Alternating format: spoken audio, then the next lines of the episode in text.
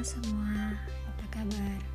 Kembali lagi bersama saya Valina Adriani di podcast saya episode 3 Hari ini saya membahas mengenai sistem pendidikan di Indonesia. Sebenarnya kalau kita berbicara mengenai sistem pendidikan Tidak akan ada habisnya ya teman-teman. Karena banyak pula pro dan kontra terhadap sistem pendidikan yang telah ditetapkan.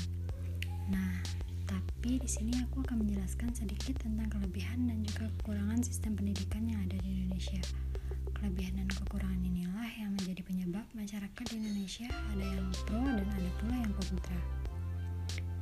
Sebelumnya, kalian tahu nggak apa itu sistem pendidikan? Nah, saya jelaskan sedikit ya teman-teman.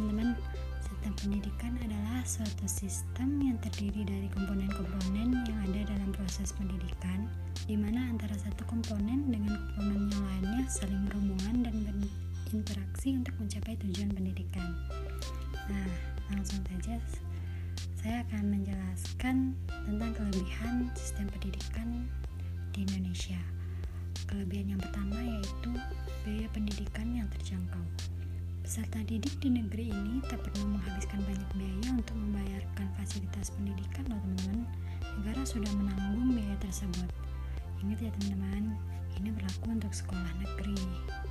Dan yang kedua yaitu ada sistem yang transparan. Dalam pendidikan di Indonesia sekarang, sistem dijalankan secara transparan.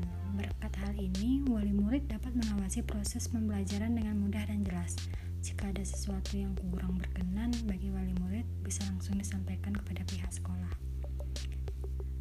Dan selanjutnya yaitu ada kurikulum disusun oleh orang-orang ahli dan berpengalaman.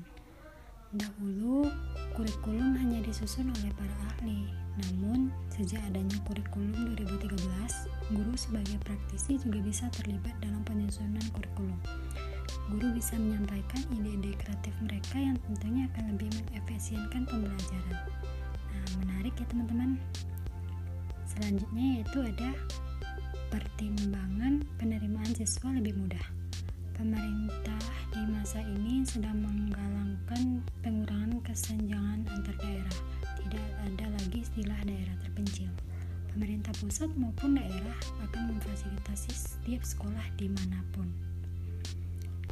Selanjutnya di sini selain ada kelebihan dari sistem pendidikan di Indonesia, ternyata ada loh teman-teman kekurangannya.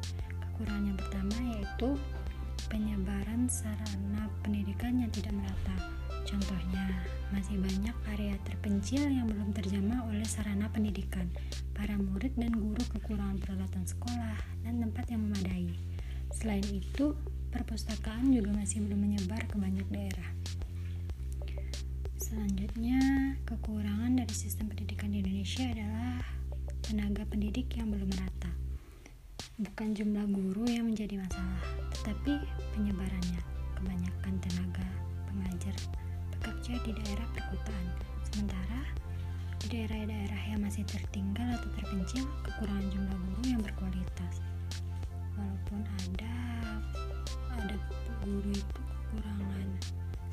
gaji, honor, dan yang lainnya.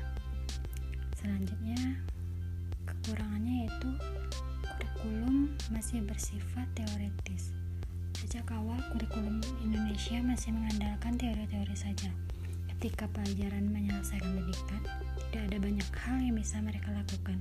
Masih banyak sekolah yang jarang mengadakan praktikum atau membekali peserta didik dengan soft